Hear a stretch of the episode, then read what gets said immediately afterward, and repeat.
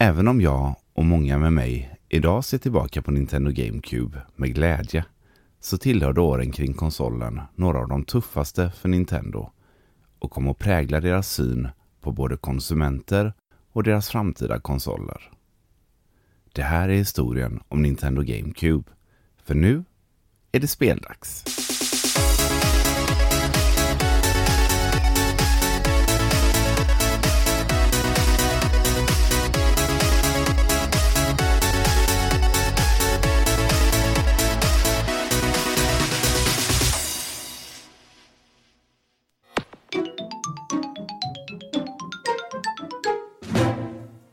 Efter att försiktigt tagit sig in i 3D-eran med Nintendo 64 så var Nintendo redo för nästa stora steg. Men den sjätte generationens tv-spel skulle bjuda på många överraskningar och stenhård konkurrens i vad som kom att bli ett av historiens största generationsskifte för tv-spelsmarknaden. Nintendo, som hade dominerat tv-spelsmarknaden med både NES och Super Nintendo, fick under 90-talets mitt rejäl konkurrens. Sega hade redan etablerat sig som en jätte i industrin med sin konsol Mega Drive. Men det var en ny aktör på marknaden som skulle ta över tronen. Nämligen Sony. Som under 94 och 95 tog steget in i tv-spelsvärlden med sitt Playstation. Playstation blev en sensation och sålde över 100 miljoner konsoler globalt.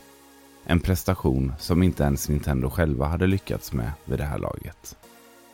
Nintendo, som egentligen hade alla förutsättningar att fortsätta vara nummer ett på marknaden, hamnade efter. Mycket tack vare flera dåliga beslut med sin konsol Nintendo 64. För trots att Nintendo 64 både var billigare och hade bättre hårdvara så begränsades den av ett dåligt format på grund av rädslan för piratkopior så valde Nintendo att fortsätta med spel på kassett istället för det nya, billigare och smidigare alternativet CD-ROM. Detta skapade frustration hos tredjepartsutvecklare som utöver det högre priset även begränsades rejält när det kom till lagringsutrymmet. En kassett rymmer nämligen upp till 64 megabyte jämfört med en CD-ROM som klarar upp till 700 megabyte. Det här gjorde att fler och fler utvecklare valde att lämna Nintendo för att istället arbeta med Sony och deras Playstation.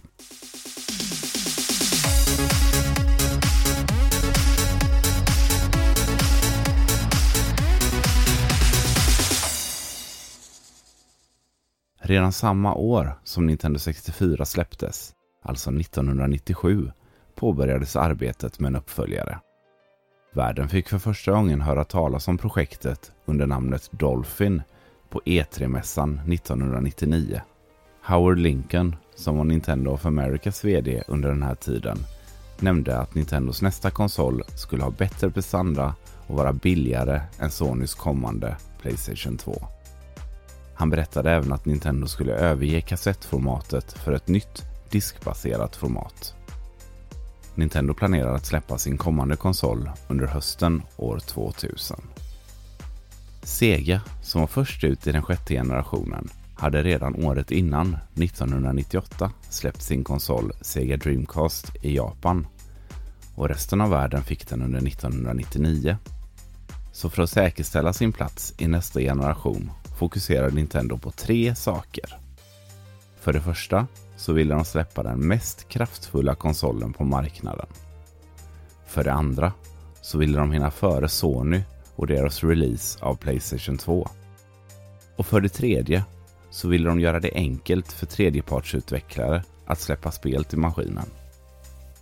Man hoppades med detta att kunna locka tillbaka de utvecklare och givetvis konsumenter som valt att lämna Nintendo för framförallt Playstation.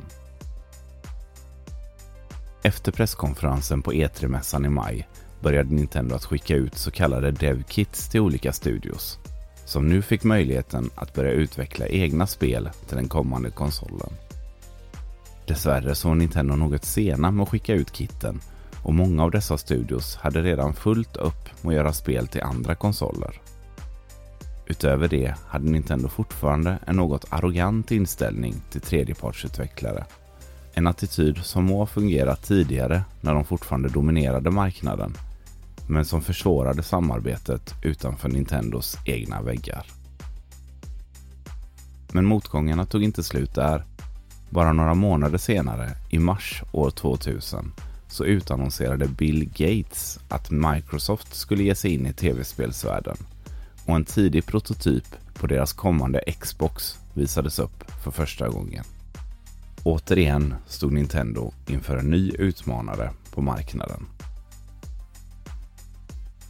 I augusti 2000 under Nintendos egna presskonferens Space World presenterades konsolen äntligen med sitt riktiga namn. Nintendo GameCube. Nintendo visade även upp en tidig prototyp av den kommande konsolen som i enlighet med sitt namn var kubformad. Konsolen hade likt Nintendo 64 utrustat med fyra stycken kontrollportar på framsidan och visades upp i fem olika färger.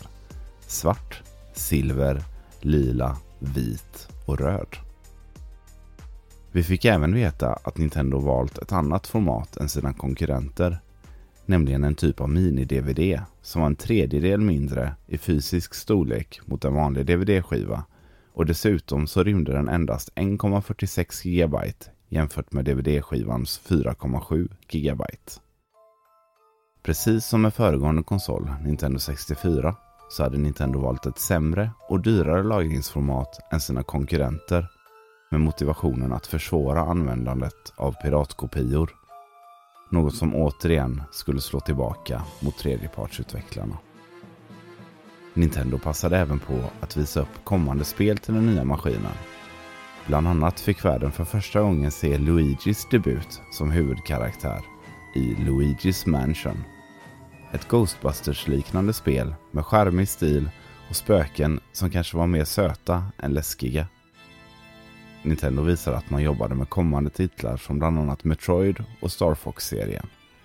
Men något som stod ut extra mycket och fick igång publiken var demon för ett nytt Zelda-spel.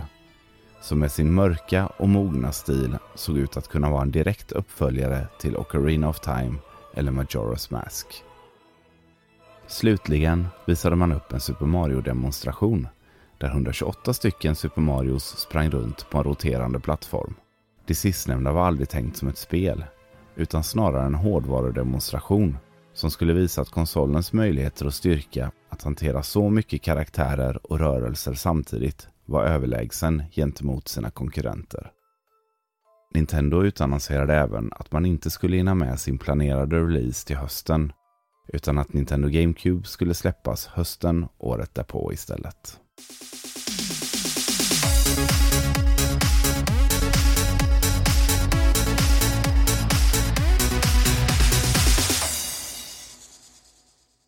Under tiden som Nintendo utvecklade GameCube så bollades många olika idéer. Den legendariska spelproducenten Shigeru Miyamoto uppmanade sitt team att tänka utanför boxen och komma med nya idéer. Tidiga förslag var bland annat gyrostyrda handkontroller som skulle reagera på rörelser. I senare intervjuer så berättar bland annat spelstudion Factor 5 att ett av deras tidiga devkits från Nintendo var med just rörelsekontroller. Just gyrostyrda kontroller blev aldrig en del av Nintendo GameCube, men kom att bli huvudgimmicken för Nintendos nästa konsol, Nintendo Wii. Andra tidiga idéer var bland annat att inkludera 3D-bild utan specialglasögon, så kallad autostereoskopi. Inte heller detta blev verklighet med GameCuben. Däremot så skulle Nintendo 3DS, som släpptes 2010, ha just denna funktion. Under 2020 så läcktes även dokument från Nintendos högkvarter som visade tidiga sketcher på en GameCube med inbyggd skärm och möjlighet att docka konsolen till TVn, precis som på Nintendo Switch. Under utvecklingen jobbade man även med många olika prototyper på handkontrollen.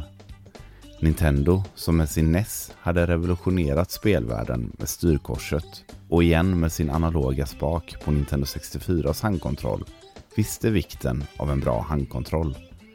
Shigeru Miyamoto berättar senare i intervjuer att han och hans team la nästan tre år på utvecklingen och att hitta rätt placering och storlek på de olika knapparna. En annan, för tiden unik funktion var de analoga knapparna på ovansidan kontrollen. De så kallade shoulder buttons, L och R.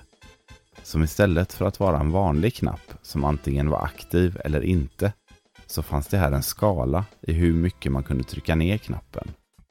Man kan jämföra det med att trycka på en gaspedal. Ju mer du trycker, desto mer gasar du. På samma vis fungerade dessa knappar och kom att bli en välutnyttjad funktion i exempelvis bilspel, men även spel som Super Mario Sunshine. Resultatet blev en ganska oortodox kontroll som vid första anblick ser nästan lika udda ut som den tidigare Nintendo 64-kontrollen. Men allt är framtaget med precision och kontrollen kom att bli så pass älskad att både Wii, Wii U och Nintendo Switch alla har möjlighet att använda GameCubes kontroll. 2001 bjöd på många överraskningar. Redan i mars meddelade Sega att deras Dreamcast sålt under förväntningarna och på grund av den rådande konkurrensen samt att deras tidigare konsol Sega Saturn underpresterat valde företaget, som under 90-talets start på allvar konkurrerade med Nintendo, att dra sig ur hårdvarubranschen. Sega valde istället på att fokusera att göra spel, nu som en tredjepartsutvecklare. Playstation 2, som släpptes året innan, blev nu den enda nya aktiva konsol på marknaden och fick tack vare detta nästan ett helt års försprång mot både den nya Xbox och Nintendos GameCube. Sommarens E3-mässa var ett fullspäckat event.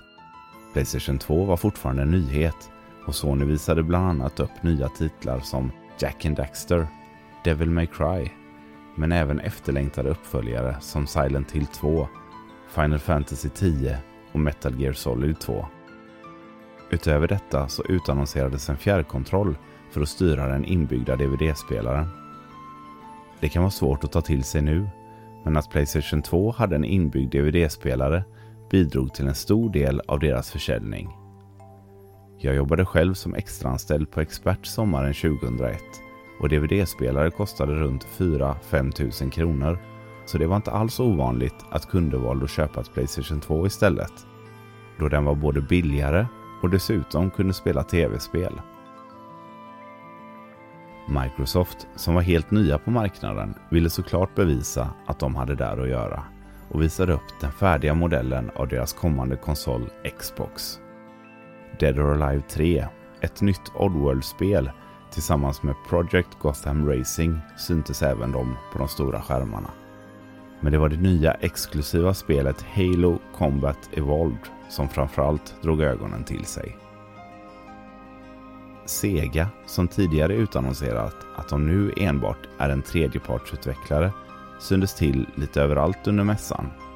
De andra tre aktörerna hade alla sett till att låsa minst ett spel till sin konsol. Xbox skulle bland annat få Jet Set Radio Future och Nintendo hade fått exklusivitet till det kommande Super Monkey Ball. En annan stor nyhet var att Segas maskot och tidigare huvudrival Sonic skulle komma till Nintendo GameCube med Sonic Adventure 2.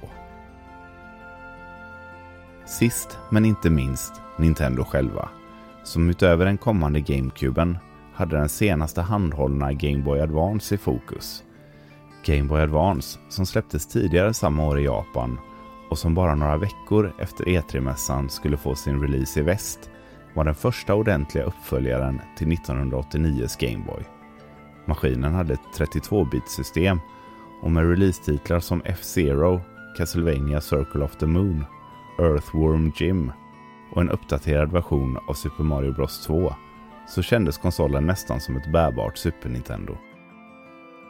Men Nintendo stal framförallt showen när Shigeru Miyamoto dök upp på scen med en GameCube i ena handen och en kontroll i andra och visade inför publikens jubel för första gången det kommande Super Smash Bros Melee. Spelet kom att definiera spelserien framöver. Det var även första gången som många fick lära känna spelserien Fire Emblem, som vid det här laget enbart hade släppts i Japan. Men med Marth och Roy som upplåsningsbara karaktärer blev det ett första steg ut på marknaden i väst. Även spelet Pikmin gjorde sin debut, där Shigeru Miyamoto stolt visade upp sitt senaste tillskott och spelade en cirka 10 minuter lång demo av spelet. Pikmin stod ut bland Nintendos övriga titlar då spelmekaniken RTS, eller Real Time Strategy, var vanligare att se på datorer med spel som till exempel Command Conquer och Starcraft än på just tv-spel. Utöver detta så visades även ny gameplay från Luigi's Mansion upp tillsammans med kommande spel såsom Star Fox Adventure, Metroid Prime och Eternal Darkness.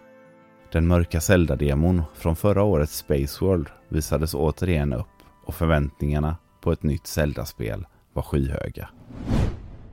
Hej, det här är Martin Lindell, eh, spelhistoriker och branschveteran. Jag minns väl eh, GameCube när den kallades Project Dolphin och eh, presenterades först på Space World av Nintendo i september 2000. Man var ju rätt eh, fascinerad av designen och samtidigt dessutom presenterades Game Boy Advance. Det var en explosion av nyheter.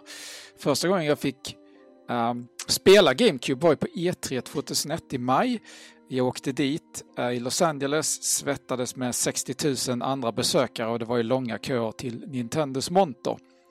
Där visade man bland annat Luigi's Mansion som var lite oväntat. De hade ju video på Metroid Prime och eh, man fick även se Pikmin, eh, vilket var en, en, väldigt trevlig grej, de här små eh, blommorna som sprang runt. Jag, jag minns att när jag rapporterade om det i branschtidningen Manal, som jag var redaktör för, så skrev jag eh, Pikmik istället för Pikmin.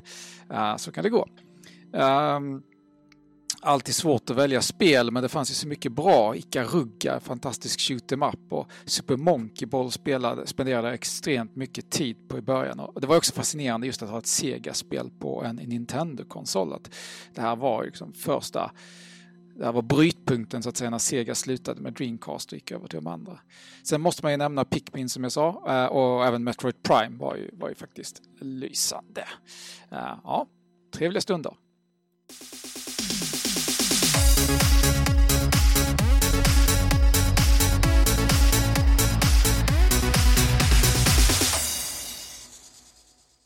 Tre månader innan release hade Nintendo återigen sin presskonferens Space World i Japan.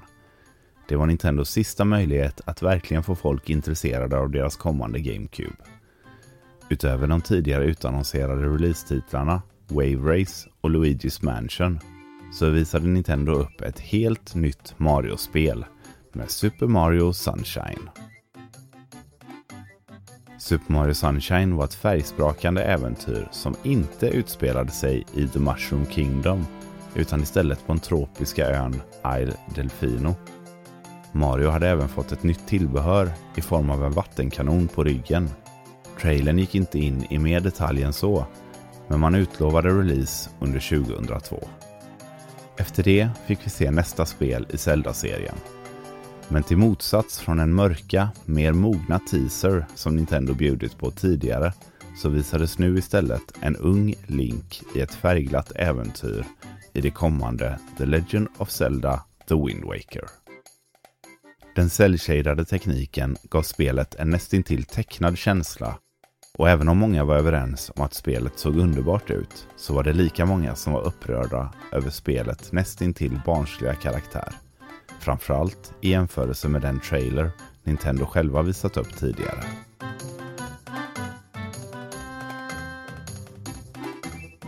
Den 15 november 2001 släpptes den nya utmanaren Xbox som gjort succé på årets CES-mässa med Dwayne The Rock Johnson som specialgäst tillsammans med Bill Gates.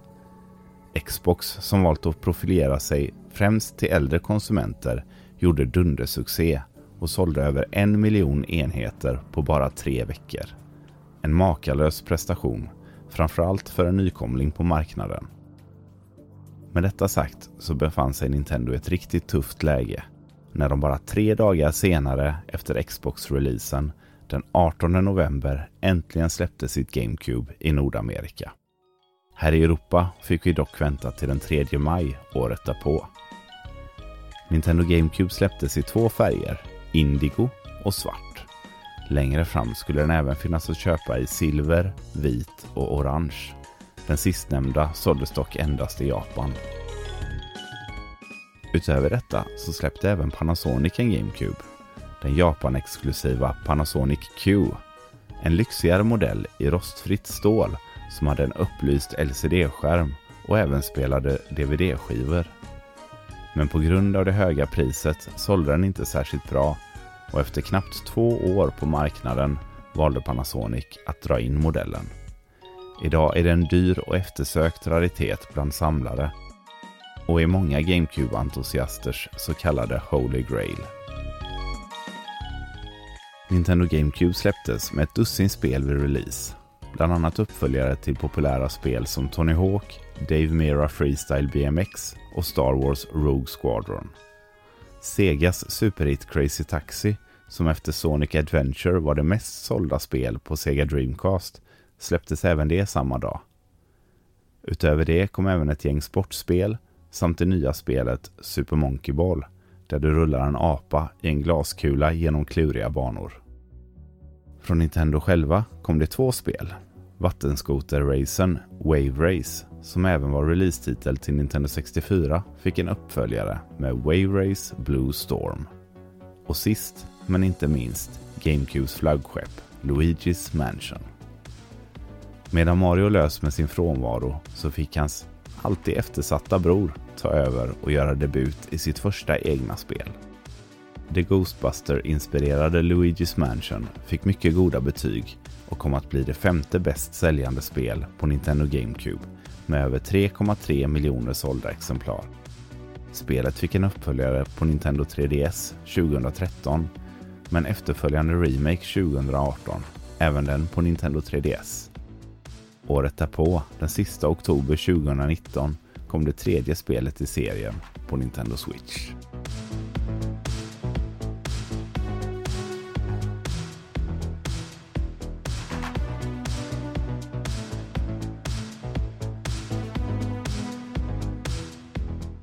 Även om Nintendo hade en tuff start med hård konkurrens från både Microsoft och Sony så hade de en fördel mot de två techjättarna, nämligen priset. Nintendo GameCube lanserades för runt 2500 till 2800 här i Sverige. Att jämföra med Xbox som låg kring nästan det dubbla på runt 5000 kronor. Playstation 2, som redan funnits ute i cirka ett år vid det här laget, var även den dyrare med ett pris runt 4000 kronor. Det skulle inte dröja länge förrän Nintendo släppte fler spel till sin nya konsol. Bara några veckor efter release kom det nya spelet Pikmin. Ett skärmigt strategispel där du styr små figurer som kallas Pikmin för att hjälpa dig att uträtta olika uppdrag. Spelet, som var en idé av den legendariska spelproducenten Shigeru Miyamoto, mottogs väl och trots att det var en helt ny spelserie i en något nischad genre så sålde det över 100 000 exemplar under första veckan. Nintendos nästa release var ett spel som med över 7 miljoner sålda exemplar kom att bli det mest sålda spel till Nintendo GameCube. Nämligen Super Smash Bros Melee. Precis som med det första spelet till Nintendo 64 och även de kommande spelen till Wii, Wii U, Nintendo 3DS och Nintendo Switch så var det HAL Laboratory med Masahiro Sakurai i spetsen som stod för utvecklingen. Spelet kom att bli ett fenomen inom e-sport och spelas än idag i stora internationella tävlingar. GameCubes handkontroll blev tack vare Melee synonymt med Super Smash Bros-serien och har sedan dess varit kompatibelt med varje uppföljare utöver den på Nintendo 3DS. Alexander här från Nörderiet. Mitt första GameCube-minne utspelar sig i Spanien. Jag skulle vara där i en vecka med min pappa och behövde något tidsfördriv. Jag hade nyligen spenderat 999 kronor på min GameCube som absolut inte var den hetaste konsolen vid den tiden. Den passar dessutom perfekt i resväskan och med sitt lilla handtag kändes det som att den ville följa med på resan. Det var höst i Spanien, inget badväder eller poolhäng för min del. Jag satt där med min GameCube för mig själv och nötade Super Smash Bros Melee. Jag ville hitta en karaktär som jag kunde klara 100 Man Melee med. Den karaktären hette Ike från Fire Emblem. Varje gång jag numera väljer Ike i de moderna Smash-spelen kan jag inte låta bli att tänka på kvällarna i Spanien. Jag, Ike och min GameCube.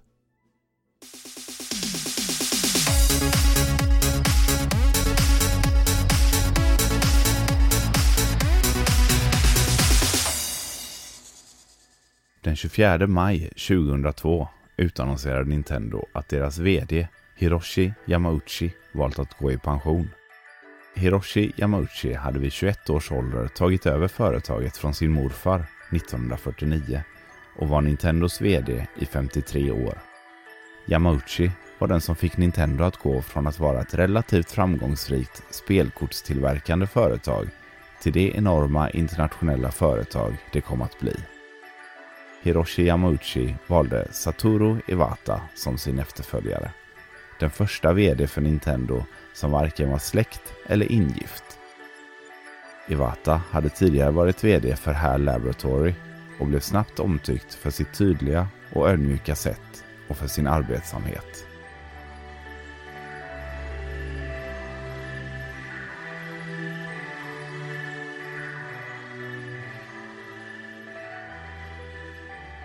Efter releasen av Pikmin och Super Smash Bros Melee skulle det dock dröja ett tag innan ivriga GameCube-fans fick sätta tänderna i något nytt.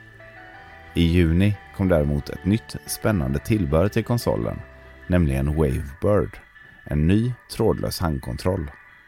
Nintendo hade laborerat med trådlösa handkontroll redan till NES, men detta blev den första officiellt släppta trådlösa handkontrollen och återigen låg Nintendo i framkanten när det kom till utveckling av handkontroller.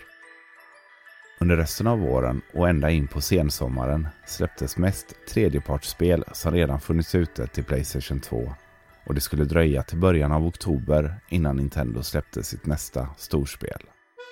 För den 4 oktober 2002 kom äntligen den efterlängtade uppföljaren till Super Mario 64, Super Mario Sunshine. Super Mario Sunshine hade många likheter med sin föregångare, men två saker stod ut. För ovanlighetens skull så var det inte i Mushroom Kingdom som spelet utspelar sig, utan på Isle Delfino. En tropisk ö dit Mario och hans vänner har åkt på semester. Det andra är Flood, en vattenkanon som Mario har på ryggen, som blir en del utav de huvudsakliga mekanikerna i spelet. Här implementerades även de analoga axelknapparna L och R som gjorde att man enkelt kunde anpassa hur mycket vatten man ville skjuta ut. Spelet hyllades för sin innovativa och roliga gameplay, färgsprakande miljö och mottogs mycket väl av både recensenter och konsumenter. Med över 5,5 miljoner sålda exemplar hamnade på tredje plats av de mest sålda GameCube-spelen någonsin.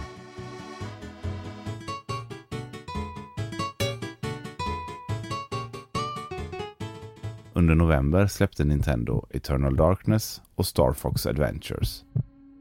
Eternal Darkness är något så ovanligt som ett skräckspel publicerat av Nintendo.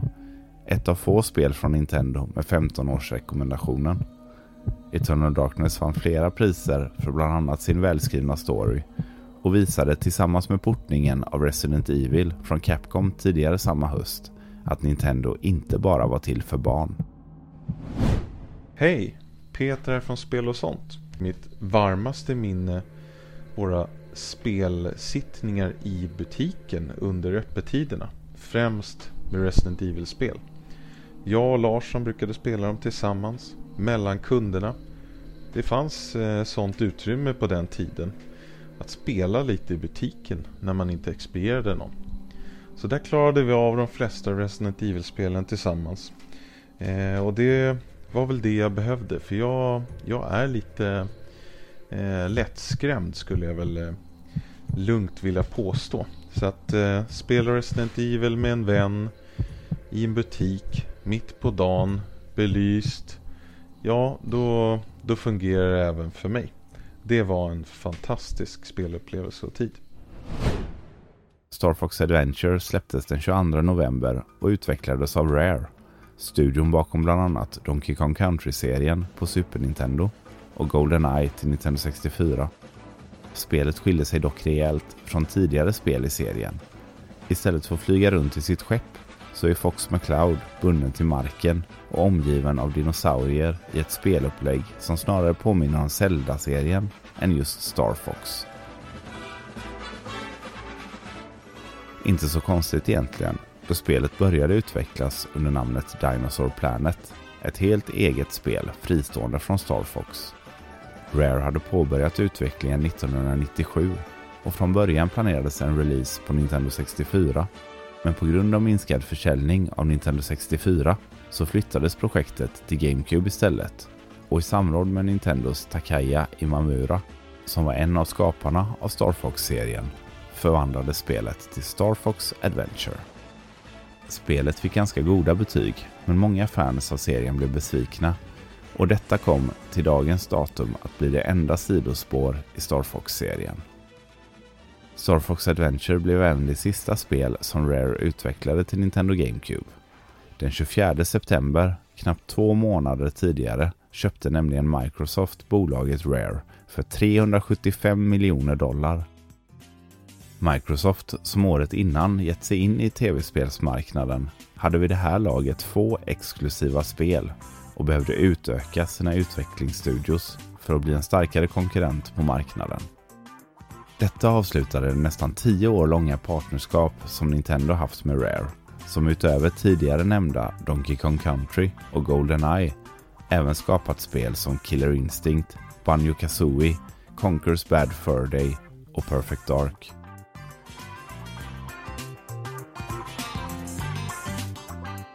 Vintern 2002 bjöd även på en del riktigt bra tredjepartstitlar.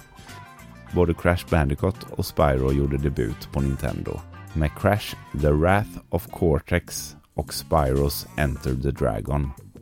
Från EA kom det charmiga plattformsspelet Tie, the Tasmanian Tiger och Tony Hawk Pro Skater 4 samt Time Splitters 2 släpptes även de under samma period. Bägge nämns ofta som de bästa i sina respektive serier. Nintendo själva hade ett spel kvar att släppa innan året var slut. Den 29 november kom Mario Party 4. Den populära serien som startat på Nintendo 64 bara tre år tidigare. Mario Party är som titeln avslöjar ett partyspel där man tillsammans med upp till tre andra vänner spelar ett digitalt brädspel. Med roliga minispel och välkända karaktärer från Marios universum blev spelet en hit och fortsatte få nästintill årliga uppföljare fram till Mario Party 8 på Nintendo Wii. Efter det har Nintendo fortsatt att släppa spel i Mario Party-serien, men inte lika frekvent. Nintendos första år in i den sjätte generationen hade trots förseningar och tuff konkurrens ändå fått en ganska bra start. Med uppföljare till älskade serier som Super Mario, Star Fox och Mario Party till nya satsningar som bland annat Luigi's Mansion, Pikmin och Eternal Darkness hade Nintendo sett till att det fanns något för alla att spela. Men två av de största spelserierna från den japanska drömfabriken lös fortfarande med sin frånvaro. Efter åtta år var det äntligen dags för Samus att åter ta plats på våra tv-skärmar. Den 21 mars 2003 släpptes Metroid Prime.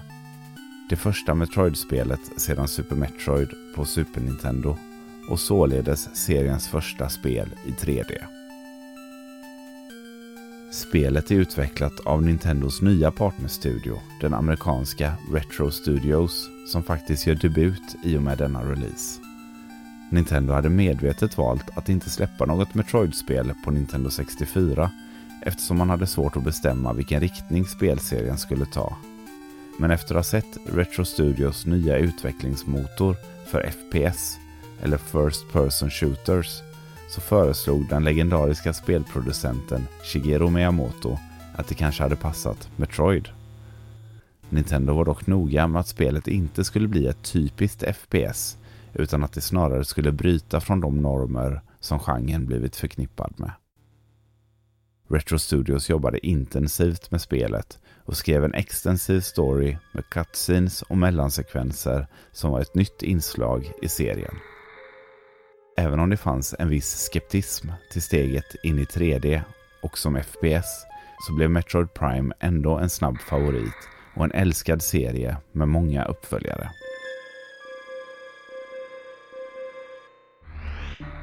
Efter lite mer än ett år på den europeiska marknaden kunde Nintendo i mars 2003 meddela att deras GameCube sålt strax under 10 miljoner enheter globalt. Och även om det var nästan dubbelt så mycket som deras föregående konsol, Nintendo 64, hade sålt under samma period, så var det ändå en siffra som bleknade i jämförelse med Sonys Playstation 2, som vid det här laget hade sålt över 50 miljoner konsoler. Den nya utmanaren från Microsoft, Xbox, hade vid samma tidpunkt sålt nästan lika många enheter som Nintendo. Detta till trots att Xbox inte har gjort någon succé i Japan utan sålt 90% av sina enheter i väst. Så Nintendo hoppades på att kunna öka försäljningen i väst genom att jobba mer med amerikanska utvecklare som till exempel Retro Studios och efter succén med Metroid Prime så fick studion förtroende att påbörja arbetet med en uppföljare. Knappt en och en halv månad senare var det dags för nästa stora titel från Nintendo. The Legend of Zelda The Wind Waker fick äntligen sin release i Europa den 2 maj 2003. Och även om spelet initialt fått mycket kritik för sin grafiska stil, framförallt i jämförelse med den trailer som Nintendo själva visat upp, så hade The Wind Waker fått uteslutande toppbetyg vid sin release i Japan och USA tidigare samma år. Nintendo hade via många av sina återförsäljare runt om i Sverige haft en stor förbokningskampanj av The Wind Waker där man i samband med förbokningen fick samlingen The Legend of Zelda Collectors Edition. Denna samling gick inte att köpa lös utan delades ut i samband med bokningstillfället. Senare kunde man även få samlingen via Club Nintendo. På skivan fanns de två första Zelda-spelen från NES samt Ocarina of Time och Majoras Mask. Utöver det fanns även en spelbar demo av The Wind Waker. Detta var mitt första möte med just The Wind Waker. År 2003 jobbade jag på Expert och eftersom jag var en frekvent besökare av tv-spelsavdelningen på den lokala leksaksbutiken så hade jag lärt känna personalen där. Så vid något tillfälle när jag var och kikade igenom utbudet på min rast så hojtade Angelo till från bakom kassan och räckte över just den här samlingen. Vi stod och pratade en stund och han var väldigt entusiastisk över det kommande Zelda-spelet. Senare på kvällen startade jag igång spelet och provade demot och även jag blev helt såld och bokade själv spelet dagen därpå. The Legend of Zelda The Wind Waker skiljer sig en hel del från tidigare Zelda-spel. Den grafiska stilen med cell shade-teknik och de klara färgerna gav spelet en helt ny stämning. Särskilt när man jämför spelet med det tidigare Majora's Mask som var det senaste Zelda-spelet för konsol. Men även Hyrule var annorlunda.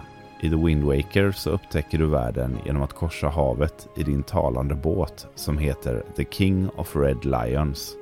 Även om många som till en början ogillade den grafiska stilen hade ändrat sig och trots det att spelet mottogs mycket bra av recensenter världen över så sålde The Wind Waker endast 4,6 miljoner exemplar, vilket ledde Nintendo att ta en ny riktning i nästa Zelda-spel. Men The Wind Waker har med åren blivit ett av de mest älskade spelen i serien och har fått två uppföljare på Nintendo DS samt en HD-remake på Wii U. Hej! Niklas och Joakim här från Gillestugan. Våra bästa minnen från GameCuben är eh, från sommaren med min GameCube i vår sommarstuga. Där jag under den senare tiden av GameCubens liv utforskade flera olika spel som jag köpt billigt av den lokala spelaffären. Ett starkt spelminne var äventyret jag upplevde i The Legend of Zelda, Wind Waker, som även visade sig vara ett perfekt sommarspel.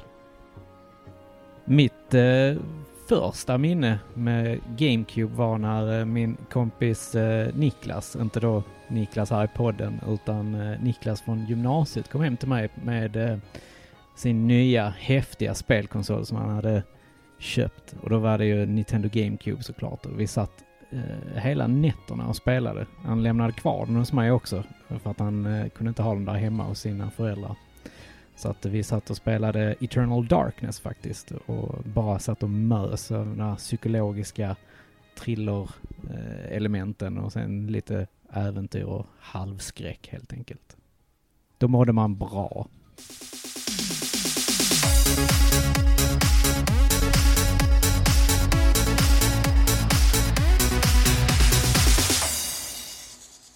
Nintendo fick en tuff start in i det nya millenniet och succén med framförallt Sonys Playstation 2 gjorde det svårt för Nintendo att behålla tredjepartsstödet för GameCube. De flesta multikonsolspel sålde sämst på just GameCube och tack vare Nintendos hårda linje mot tredjepartsutvecklare såsom med högre licensavgift samt skarpare restriktioner när det kom till bland annat våld gjorde att flera företag helt enkelt avbröt de spel som var i produktion eller avstod från att släppa spel på GameCube. Eidos, som bland annat publicerade Tomb Raider och Hitman-serien, valde under 2003 att klippa alla band till Nintendo och avbryta de kommande titlar man planerat för Nintendos GameCube. Eidos dåvarande VD, Mike McCarvey, sa i en intervju att hans tilltro för att Nintendo skulle lyckas med deras GameCube var mycket liten och han uppmanade andra utgivare att gå samma väg som Eidos valt att göra. Flera utvecklare valde under 2003 och framåt att trappa ner på stödet för GameCube och Nintendo stod inför nya utmaningar. Men alla hade inte gett upp hoppet. I oktober 2001 utannonserade Sega att deras magiska JRPG Skies of Arcadia som tidigare varit exklusivt till Sega Dreamcast skulle portas till både Playstation 2 och GameCube. Men under arbetets gång så valde Sega att avbryta arbetet med Playstation 2-versionen för att enbart fokusera på GameCube-utgåvan. Den 23 maj, drygt två veckor efter The Wind Waker kommit ut, fanns The Skies of Arcadia Legends att köpa i butikerna. Spelet mottogs väl av recensenter såväl som entusiaster av den då något obskyra genren, men sålde tyvärr ingen vidare, vilket ledde till att en planerad PC-portning och en uppföljare till spelet lades ner. Idag är spelet hyllat av många och kan vara ganska svårt och dyrt att få tag i.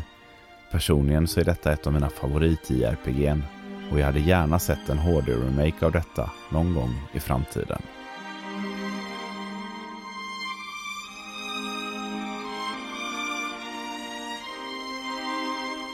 Våren fortsatte med fler spel.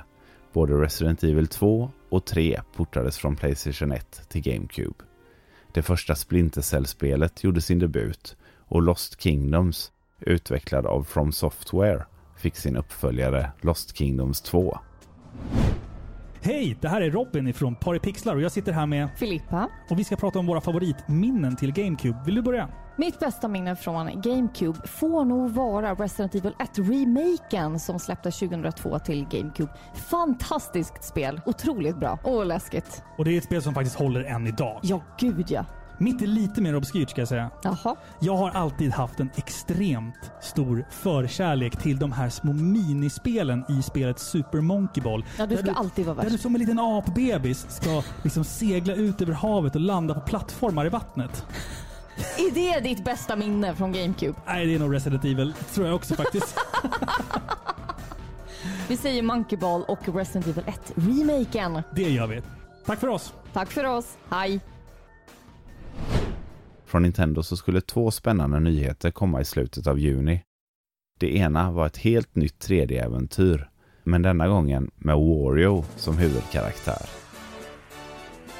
Wario som först dykt upp i Gameboy-spelet Super Mario Land 2, där som fiende till Mario, hade efter det fått fyra stycken egna spel på Gameboy och senare Gameboy Color i Wario Land-serien. Han har även dykt upp i spel som Mario Tennis, Mario Golf och Mario Party.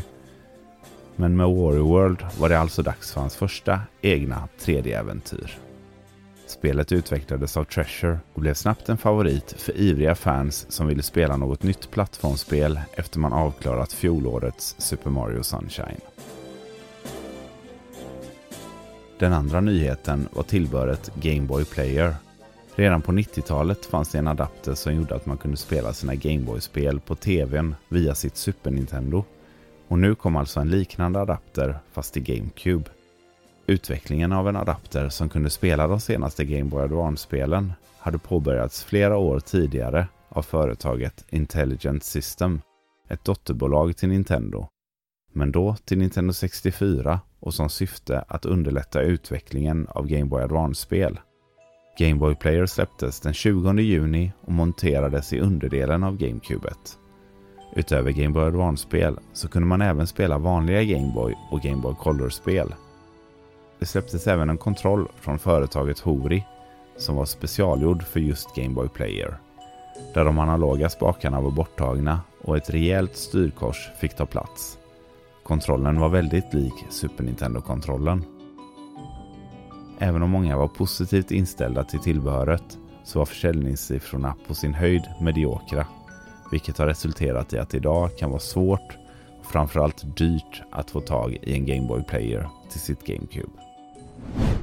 Primus här från Nörderiet och jag tänkte bara dela med mig av mitt favoritminne från GameCube-eran. Och jag måste nog ändå säga att mitt favoritminne var när jag såg på liksom Game, eller var jag nu var, Gameboy Player. Det var en sån skön uppenbarelse att man kunde spela sina Gameboy-spel på sin dåvarande stora TV. Det, det, var, det fanns liksom ingenting bättre. Just att kunna fortsätta sina äventyr från Pokémon-spelen och Crash Bandicoot och allt som jag spelade spelade på Gameboy. Så fantastiskt många bra titlar också på Gameboy som man då kunde spela med sin GameCube. Det var helt fantastiskt. Så det måste jag nog inkludera i mitt favoritminne faktiskt. Även om visst, nu ska det handla mycket om GameCube, vilket är underbart, men det har ändå med GameCuben att göra och eh, det är också det som enligt mig gör GameCube väldigt, väldigt speciellt. Jag hoppas ju också lite att eh, Nintendo ska steppa upp sitt game när det kommer till det här för att det hade varit så underbart om switchen kunde få en, en lik liknande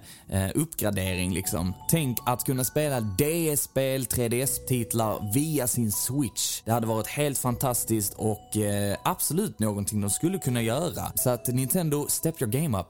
Så det var nu allting som vi på Nörderiet hade att dela med oss av. Stort tack till Speldags som eh, reachade ut och frågade om vi ville vara med. Såklart att vi ville gästa den här underbara podden, eh, så tusen tack till dig. Och självklart är vi öppna för förslag i framtiden så att eh, det är bara hojta. Peace.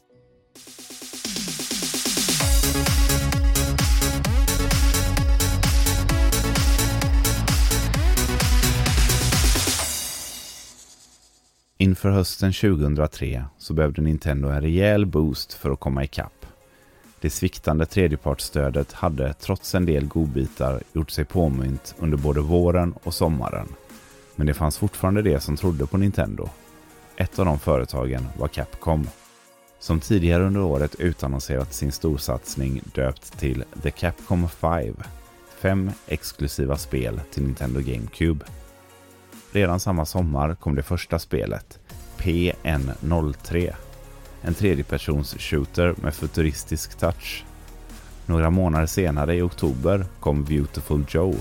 Ett skärmigt beat'em up som mottogs betydligt bättre än PN03 och fick flera uppföljare längre fram. Det tredje spelet, Dead Phoenix, lades ner under 2003 och Killer 7 utannonserades som det fjärde spelet. Killer 7 gjordes av studion Gotcha Suda som senare blev kända för spelserien No More Heroes. Men Capcoms femte spel stod ut bland de andra, nämligen Resident Evil 4. Den efterlängtade uppföljaren till 1999s Resident Evil 3, Nemesis, med detta valde Capcom att gå ifrån Sony och göra det fjärde spelet i serien exklusivt för Nintendo GameCube. Till en början åtminstone. Spelet utannonserades tillsammans med de andra och fick ett releasefönster för 2004. För att öka på försäljningen så valde Nintendo att sänka priset på GameCube från cirka 1999 kronor till runt tusenlappen med start hösten 2003. Prissänkningen visade sig vara effektiv och under hösten 2003 såldes över 3,5 miljon enheter globalt, vilket blev ett av de bästa kvartalen under GameCubes livstid. Utöver Beautiful Joe så var oktober en fullspäckad månad. Från den tidigare konkurrenten Sega kom deras nya storsatsning Billy Hatcher and the Giant Egg. Ett charmigt plattformsspel från teamet bakom Sonic-spelen där huvudgimmicken var att ta sig igenom olika plattformsbanor och pussel samtidigt som man eskorterade ja, ett stort ägg. Spelet fick genomgående bra betyg och det var tänkt att Billy Hatcher skulle bli en ny maskot för Sega. Dessvärre så sålde spelet inte som man hade hoppats och det kom aldrig några efterföljande spel i serien.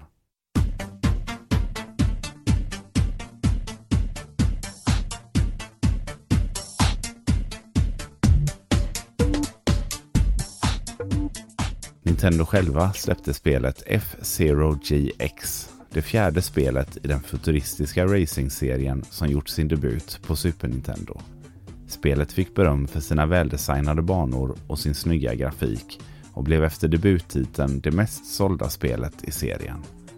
Det kom även en arkadversion av spelet kallat F-Zero AX. Året därpå, 2004, släpptes F-Zero GP Legend till Game Boy Advance och efter det har vi till dagens datum inte fått någon uppföljare i serien. Även om det har ryktats om ett nytt F-Zero-spel i snart 20 år så har vi fått nöja oss med att spela som Captain Falcon i Super Smash Bros-serien. På samma dag som F-Zero GX släpptes, alltså den 31 oktober, släpptes även The Simpsons Hit and Run. Ett utav, om inte det bästa Simpsons-spelet någonsin. Denna GTA-klon utspelar sig i Springfield och en hel generation av Simpsons-fantaster fick äntligen ett spel som levde upp till serien, både grafiskt men egentligen främst storymässigt.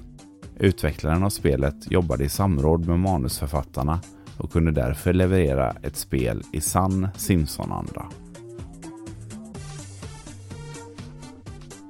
Med en lyckad höst bakom sig och försäljningssiffror högre än på länge så fortsatte framgångarna för Nintendo under vintern 2003. Den 14 november var det dags för nästa storspel, nämligen Mario Kart Double Dash. Double Dash hade utannonserats på E3-mässan två år tidigare och var en av Nintendos stora satsningar under sommarens E3-mässa. Spelets mekanik skilde sig från de tidigare titlarna i Double Dash valde man nämligen två karaktärer som man när som helst kunde alternera mellan. Spelet toppade försäljningssiffrorna i flera veckor och blev snabbt ett av de mest sålda spelen till GameCube. Tjenare! Hiro från Gaminggrannar här. När Andreas hörde av sig och ville att jag skulle dela med mig av mitt allra bästa GameCube-minne så finns det bara en enda grej som direkt slog mig och då tar vi oss tillbaka till november 2003.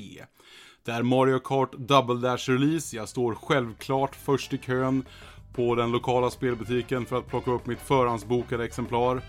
Men under dagen jag sitter hemma och spelar så får jag feber.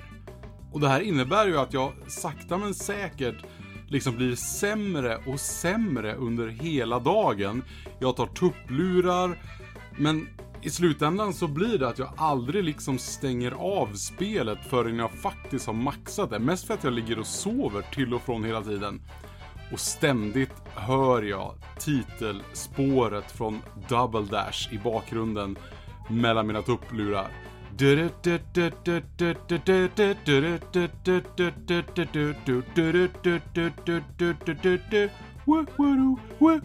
En låt som har etsat sig fast i mig ända sedan 2003. Hur som helst, tack för den här snabba inbjudan Andreas. Ciao! Precis som föregående år så avslutade Nintendo året med ett nytt Mario Party-spel och den 5 december släpptes det femte spelet i serien. Spelet fick dock en hel del kritik då många tyckte att likheterna till fjolårets Mario Party 4 var för stora och andelen nyheter var för få. Men spelet skulle ändå sälja i över 2 miljoner exemplar. Under våren 2004 började rykten gå om Nintendos nästa konsol, GCN, eller GameCube Next, var ett namn som började spridas online och rykten om en kommande, kraftfullare GameCube nådde även mig.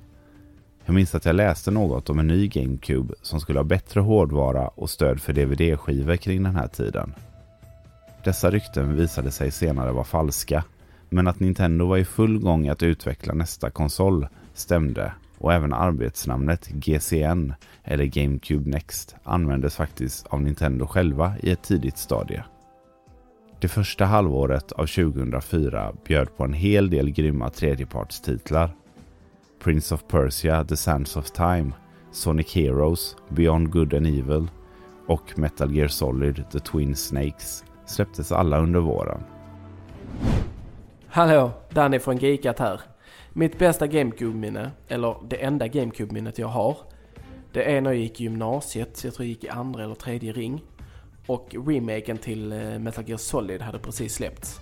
Och på den tiden så var inte jag intresserad av Nintendos prylar utan jag var 100% en Playstation-spelare. Men jag är ett väldigt stort fan av Metal Gear Solid så att jag skaffade en GameCube bara för att köra igenom Metal Gear Solid Twin Snakes. Jag tror detta tog en helg. Och sen när jag var färdig så sålde jag GameCubet och Metal Gear igen. För att jag kände att jag inte hade någon nytta av det. Så det är väl det minnet jag har. Nintendo publicerade ytterligare ett racingspel. Denna gång med Kirby som huvudkaraktär i Kirby's Air Ride. Och trots att spelet sålde över 1,2 miljoner exemplar så är det idag ett av de dyrare spelen till GameCube. Den 11 maj var det dags för den årliga E3-mässan i Los Angeles. Varken Microsoft eller Sony imponerade särskilt mycket då ingen av dem var redo för att utannonsera sina kommande konsoler. Men samtidigt så hade man inte så mycket nytt att visa upp. Plats på scen för Nintendo och den relativt nyanställda Reggie Fils-Aimé. Reggie var precis rätt person för Nintendo. Med ett härligt självförtroende och entusiasm fångade han publiken och kom att bli Nintendos ansikte utåt de kommande 15 åren. Nintendos E3-presentation var till skillnad från deras konkurrenter fullspäckad. Inte nog med att man visade upp flertalet uppföljare till älskade Nintendo-spel som Metroid Prime 2, Echoes, Star Fox Assault, Pikmin 2, Paper Mario The Thousand Year Door och Mario Party 6.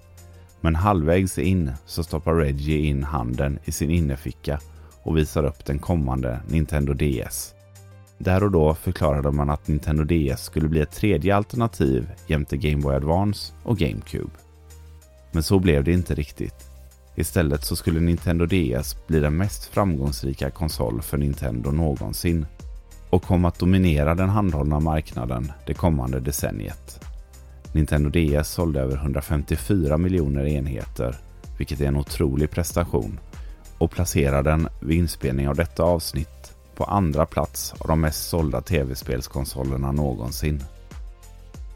Utöver det fick Resident Evil 4 en hel del utrymme och en lång trailer med gameplay visades upp. Mot slutet av presentationen blev det plötsligt mörkt och tyst.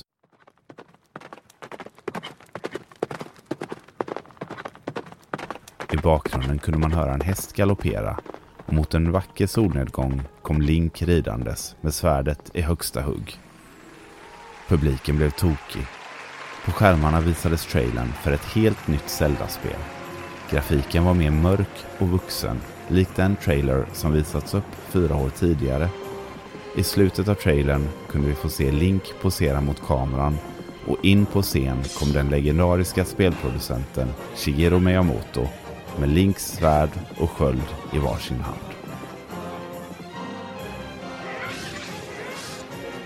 Ett magiskt ögonblick som än idag klassas som ett av de bästa i E3s historia.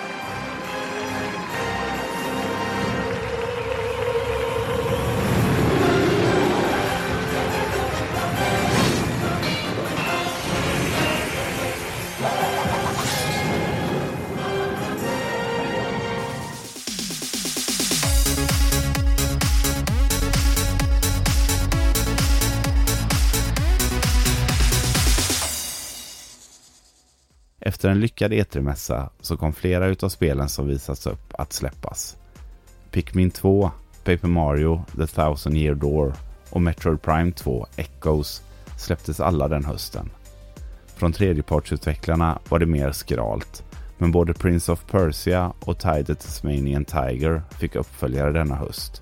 Och från Namco så kom Tales of Symphonia, ett av de mest omtyckta spelen i Tales of-serien.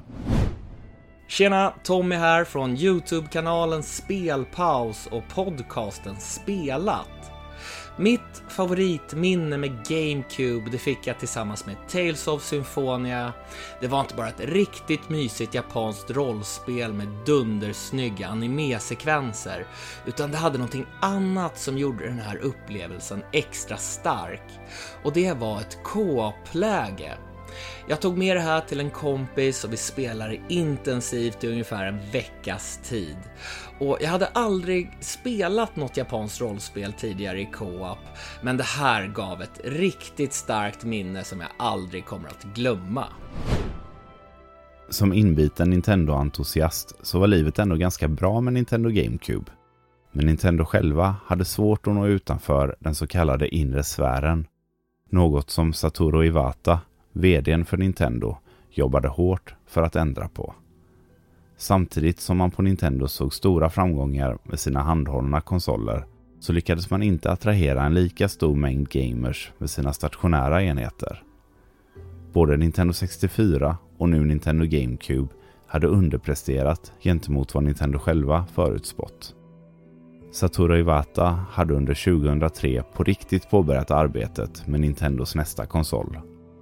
Tillsammans med veteranerna Shigeru Miyamoto och Genyo Takeda jobbade det lilla teamet med att utforma en konsol som under året fick kodnamnet Revolution.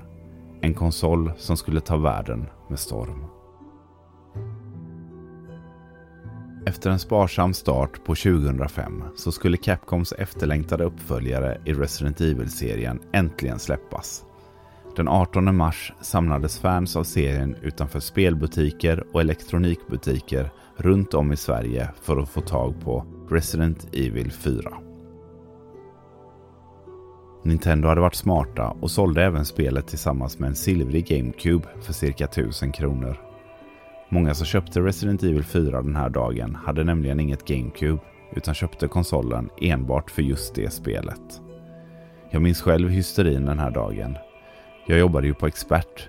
Vi sålde inga tv-spel längre men vi fick ändå ivriga besökare i butiken och på telefon som undrade om vi hade några exemplar över. Mina vänner på leksaksbutiken på samma torg hade haft en hektisk dag och sålt slut på både spelet, de färdiga paketen samt alla vanliga GameCube-enheter. Det var enligt dem en av de mest hektiska dagarna kopplat till Nintendo GameCube. Och det såg ungefär likadant ut överallt. På bara fyra veckor såldes över en halv miljon spel och totalt kom Resident Evil 4 att sälja i 1,6 miljoner exemplar vilket ger det en 14 plats av de mest sålda GameCube-spelen. Hej! Robin här från Spelkväll med Robin och Jakob. Och egentligen så skulle ju min vapendragare Jakob varit med här, men med tanke på att han tror att GameCube är en vitvara man placerar i köket så tänkte jag så här, nej, vi besparar oss den förödmjukelsen. Och det är ju så att Andreas har bett mig ta fram ett favoritminne från GameCube-eran och det är ju lättare sagt än gjort. För jag älskar verkligen GameCube och har så många fina minnen med den. Men om jag måste välja ett så blir det Resident Evil 4, första gången jag slog igång det. Det var ju så att jag var tvungen att importera det från Amerika för jag ville spela det så fort jag bara kunde och det kom ju ut senare i Europa. Så jag äntligen hade fått det där spelet och satte mig framför min 16 tums tjock TV och slog igång det så fick jag en käftsmäll. Det var en upplevelse jag aldrig stött på tidigare inom spelvärlden.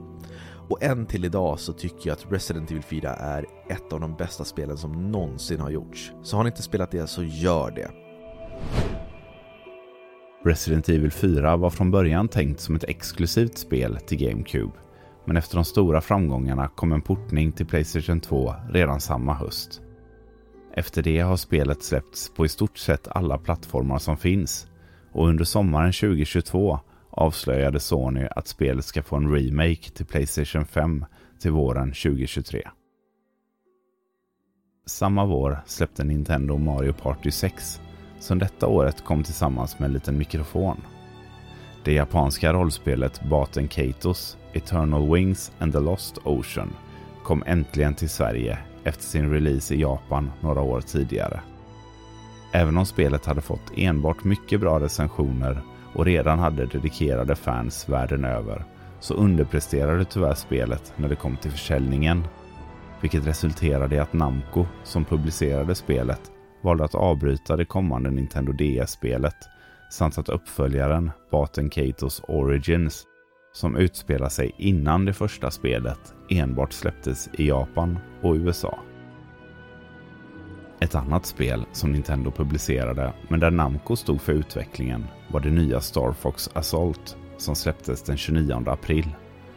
Efter Star Fox Adventure, som förvisso var ett bra och omtyckt spel, så var det ändå många fans av serien som ville se en uppföljare i samma stuk som Lilat Wars på Nintendo 64. Star Fox Assault tog spelet tillbaka till sina rötter och Fox McCloud fokuserade återigen på att flyga sitt plan eller köra sin tank. Även om vissa moment krävde att man styrde McCloud till fots.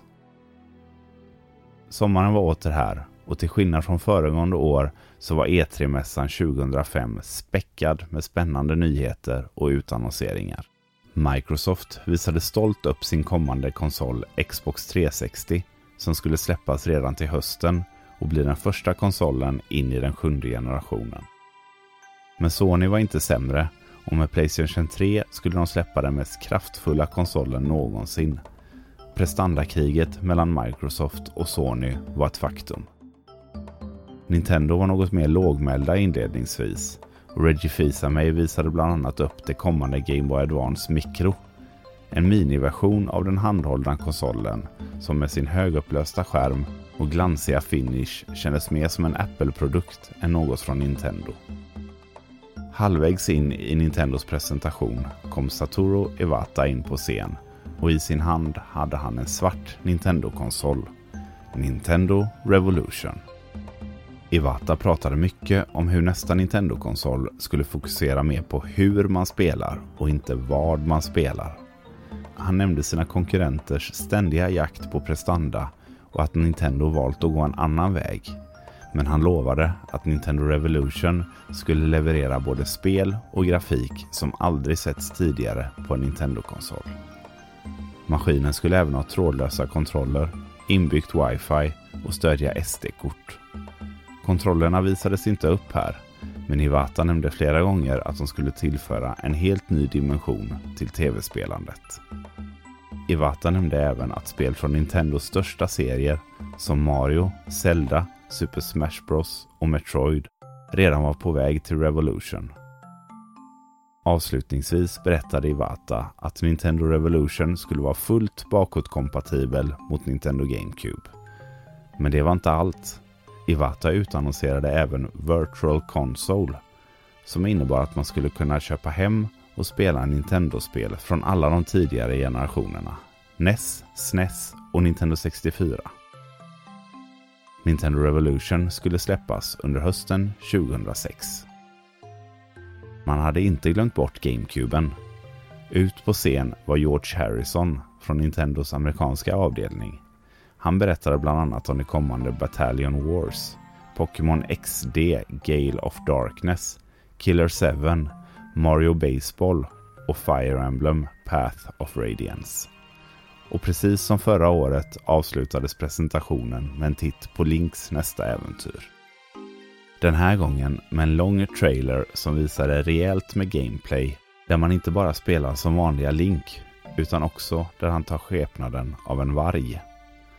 Trailern avslutades med att avslöja titeln på spelet, nämligen The Legend of Zelda Twilight Princess. Samtliga spel fick releasedatum utspridda under hösten, med Twilight Princess i slutet av november.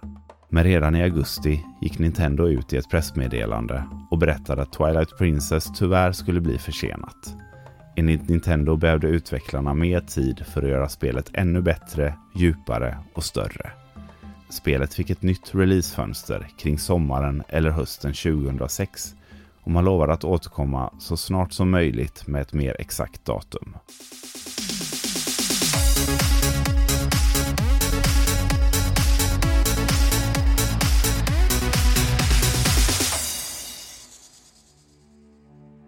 Den 4 november släpptes det taktiska JRPG Fire Emblem Path of Radiance som är det första spelet i Fire Emblem-serien att släppas på konsol utanför Japan.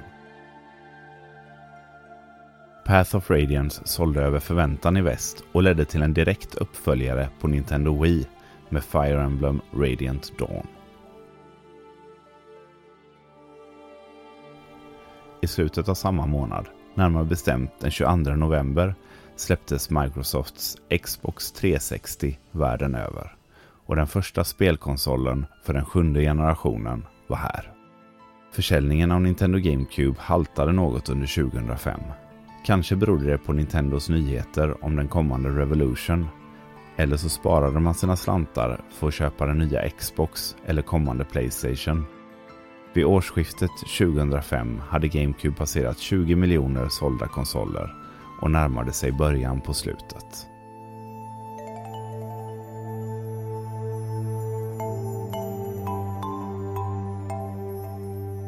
Trots saknaden av det nya Zelda-spelet så hade ändå hösten och vintern 2005 levererat många fantastiska spelupplevelser. Främst från Nintendo själva med både Fire Emblem, Pokémon XD, Geist och Battalion Wars. Men nu började det bli tydligt att tredjepartsstödet hade sinat. Större delen av 2005 var det mest licensspel och liknande titlar som släppts. Även om vissa av dessa höll hög kvalitet som till exempel Lego Star Wars The Video Game, Prince of Persia, The Two Thrones och From Russia With Love så var det snarare undantagen än regeln. Och 2006 skilde sig inte nämnvärt med några intressanta titlar från Nintendo utspridda över året medan tredjepartsstödet blev mindre och sämre. Under 2006 kom endast ett 30-tal titlar att släppas och det rådde ingen tvekan om att även Nintendos mest lojala fans mer eller mindre satt och väntade på att Nintendo skulle lansera sin nästa konsol. I maj 2006 började jag jobba på Game, en tv-spelskedja som fanns utspritt över landet och stora delar av Europa. Jag var redan då Nintendo-frälst och något som slog mig när jag började var hur lite GameCube-spel det fanns i butiken Bland de nya spelen var det i stort sett bara Nintendos egna titlar som Super Mario Sunshine, Zelda The Wind Waker och Super Smash Bros. Nu med de silvriga Players Choice-boxarna och till ett nedsatt pris runt 329 kronor. Enstaka tredjepartsspel fanns också i hyllorna, men jämfört med Xbox och framförallt Playstation 2 så var utbudet minimalt. Detsamma gällde vårt begagnade utbud.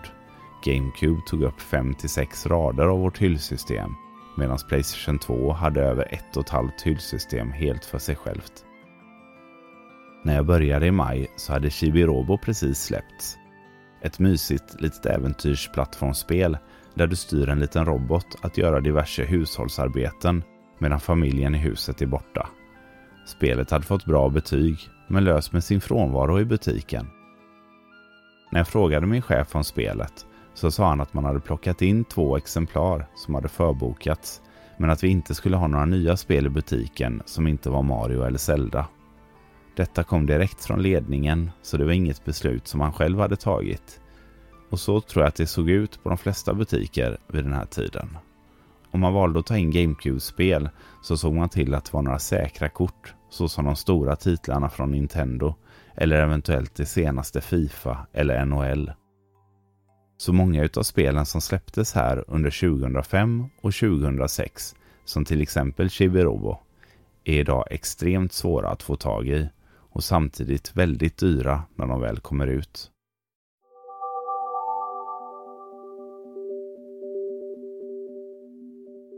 Årets E3-mässa skulle bli det sista för Nintendos GameCube. För i år låg i stort sett all fokus på Nintendos kommande konsol som äntligen fått sitt officiella namn. Nintendo Wii.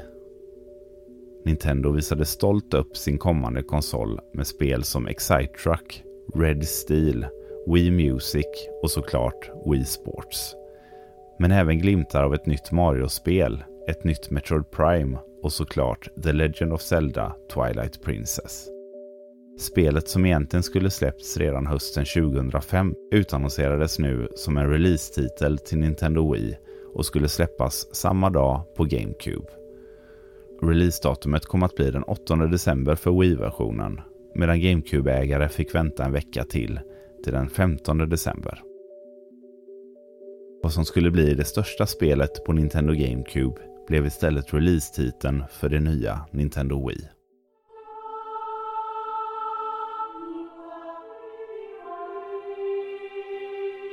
Twilight Princess blev en enorm succé och kom att sälja över 7 miljoner spel på Wii och runt en och en halv miljon spel till GameCube. Tjena tjena, det här var Dennis från podcasten Spelat och mitt bästa GameCube-minne var när jag fick The Legend of Zelda Twilight Princess i julklapp år 2006.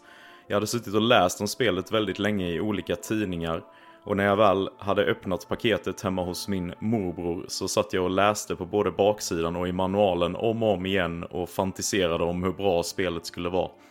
Dagen efter så vet jag att jag gick upp extra tidigt för att kunna spela så mycket som möjligt och det är ett väldigt kärt minne att man satt där i pyjamas tidig morgon med ett helt nytt Zelda-äventyr framför sig.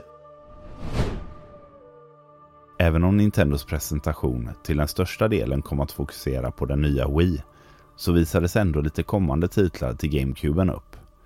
Super Paper Mario, det tredje spelet i Paper Mario-serien, skulle få sin release senare samma höst, precis som Donkey Kong Jet Race.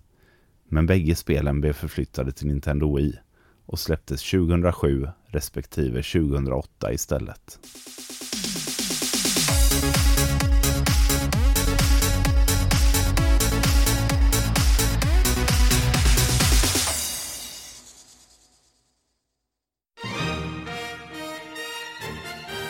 Den 8 december släpptes Nintendo Wii här i Europa och tog världen med storm.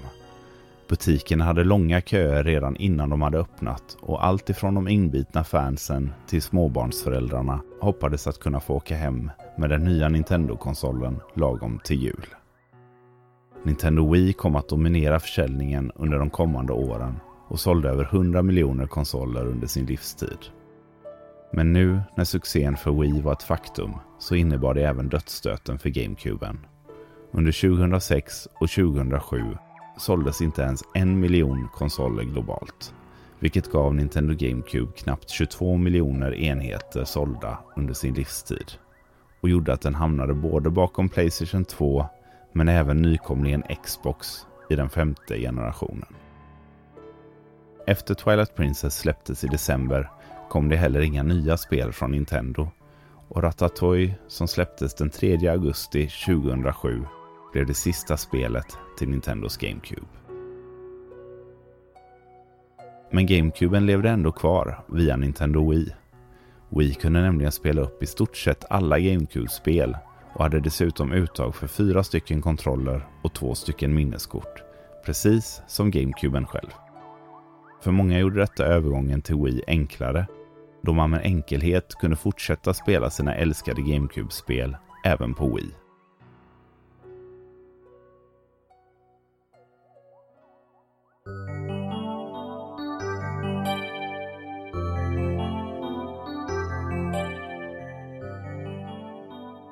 Även om Nintendo GameCube där och då sågs som ett misslyckande av Nintendo så är det idag svårt att se just den aspekten.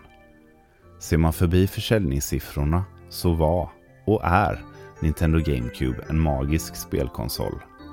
Faktiskt den mest kraftfulla från den här generationen. Men på grund av skivformatet så lyckades man aldrig nyttja konsolens fulla potential. Mängder av guldkorn från Nintendos egna bibliotek finns att hitta på GameCube. Som till exempel Super Mario Sunshine, Mario Kart Double Dash, F-Zero GX och inte minst The Legend of Zelda-spelen. Även om The Wind Waker fick mycket kritik initialt, främst för sin grafiska stil, så hyllas det än idag och många har det som sitt favoritspel i serien. Spelserier som Metroid Prime, Pikmin och Luigi's Mansion fick alla sin start på GameCube och är fortfarande aktuella och populära serier än idag. Super Smash Bros Melee spelas fortfarande i stora e-sportstävlingar världen över och GameCube-kontrollen har på grund av Super Smash Bros entusiaster släppts till både Wii U och Nintendo Switch. Även om tredjepartsstödet dog ut med tiden så kom det fortfarande fantastiska spel från bland annat Sega, Namco och Capcom. Ibland är det lätt att bara se till statistik och siffror och kalla GameCube för ett misslyckande. Men för alla oss som upplevt den glädje, charm och magi som finns till denna lilla kub så kan inget vara längre från sanningen.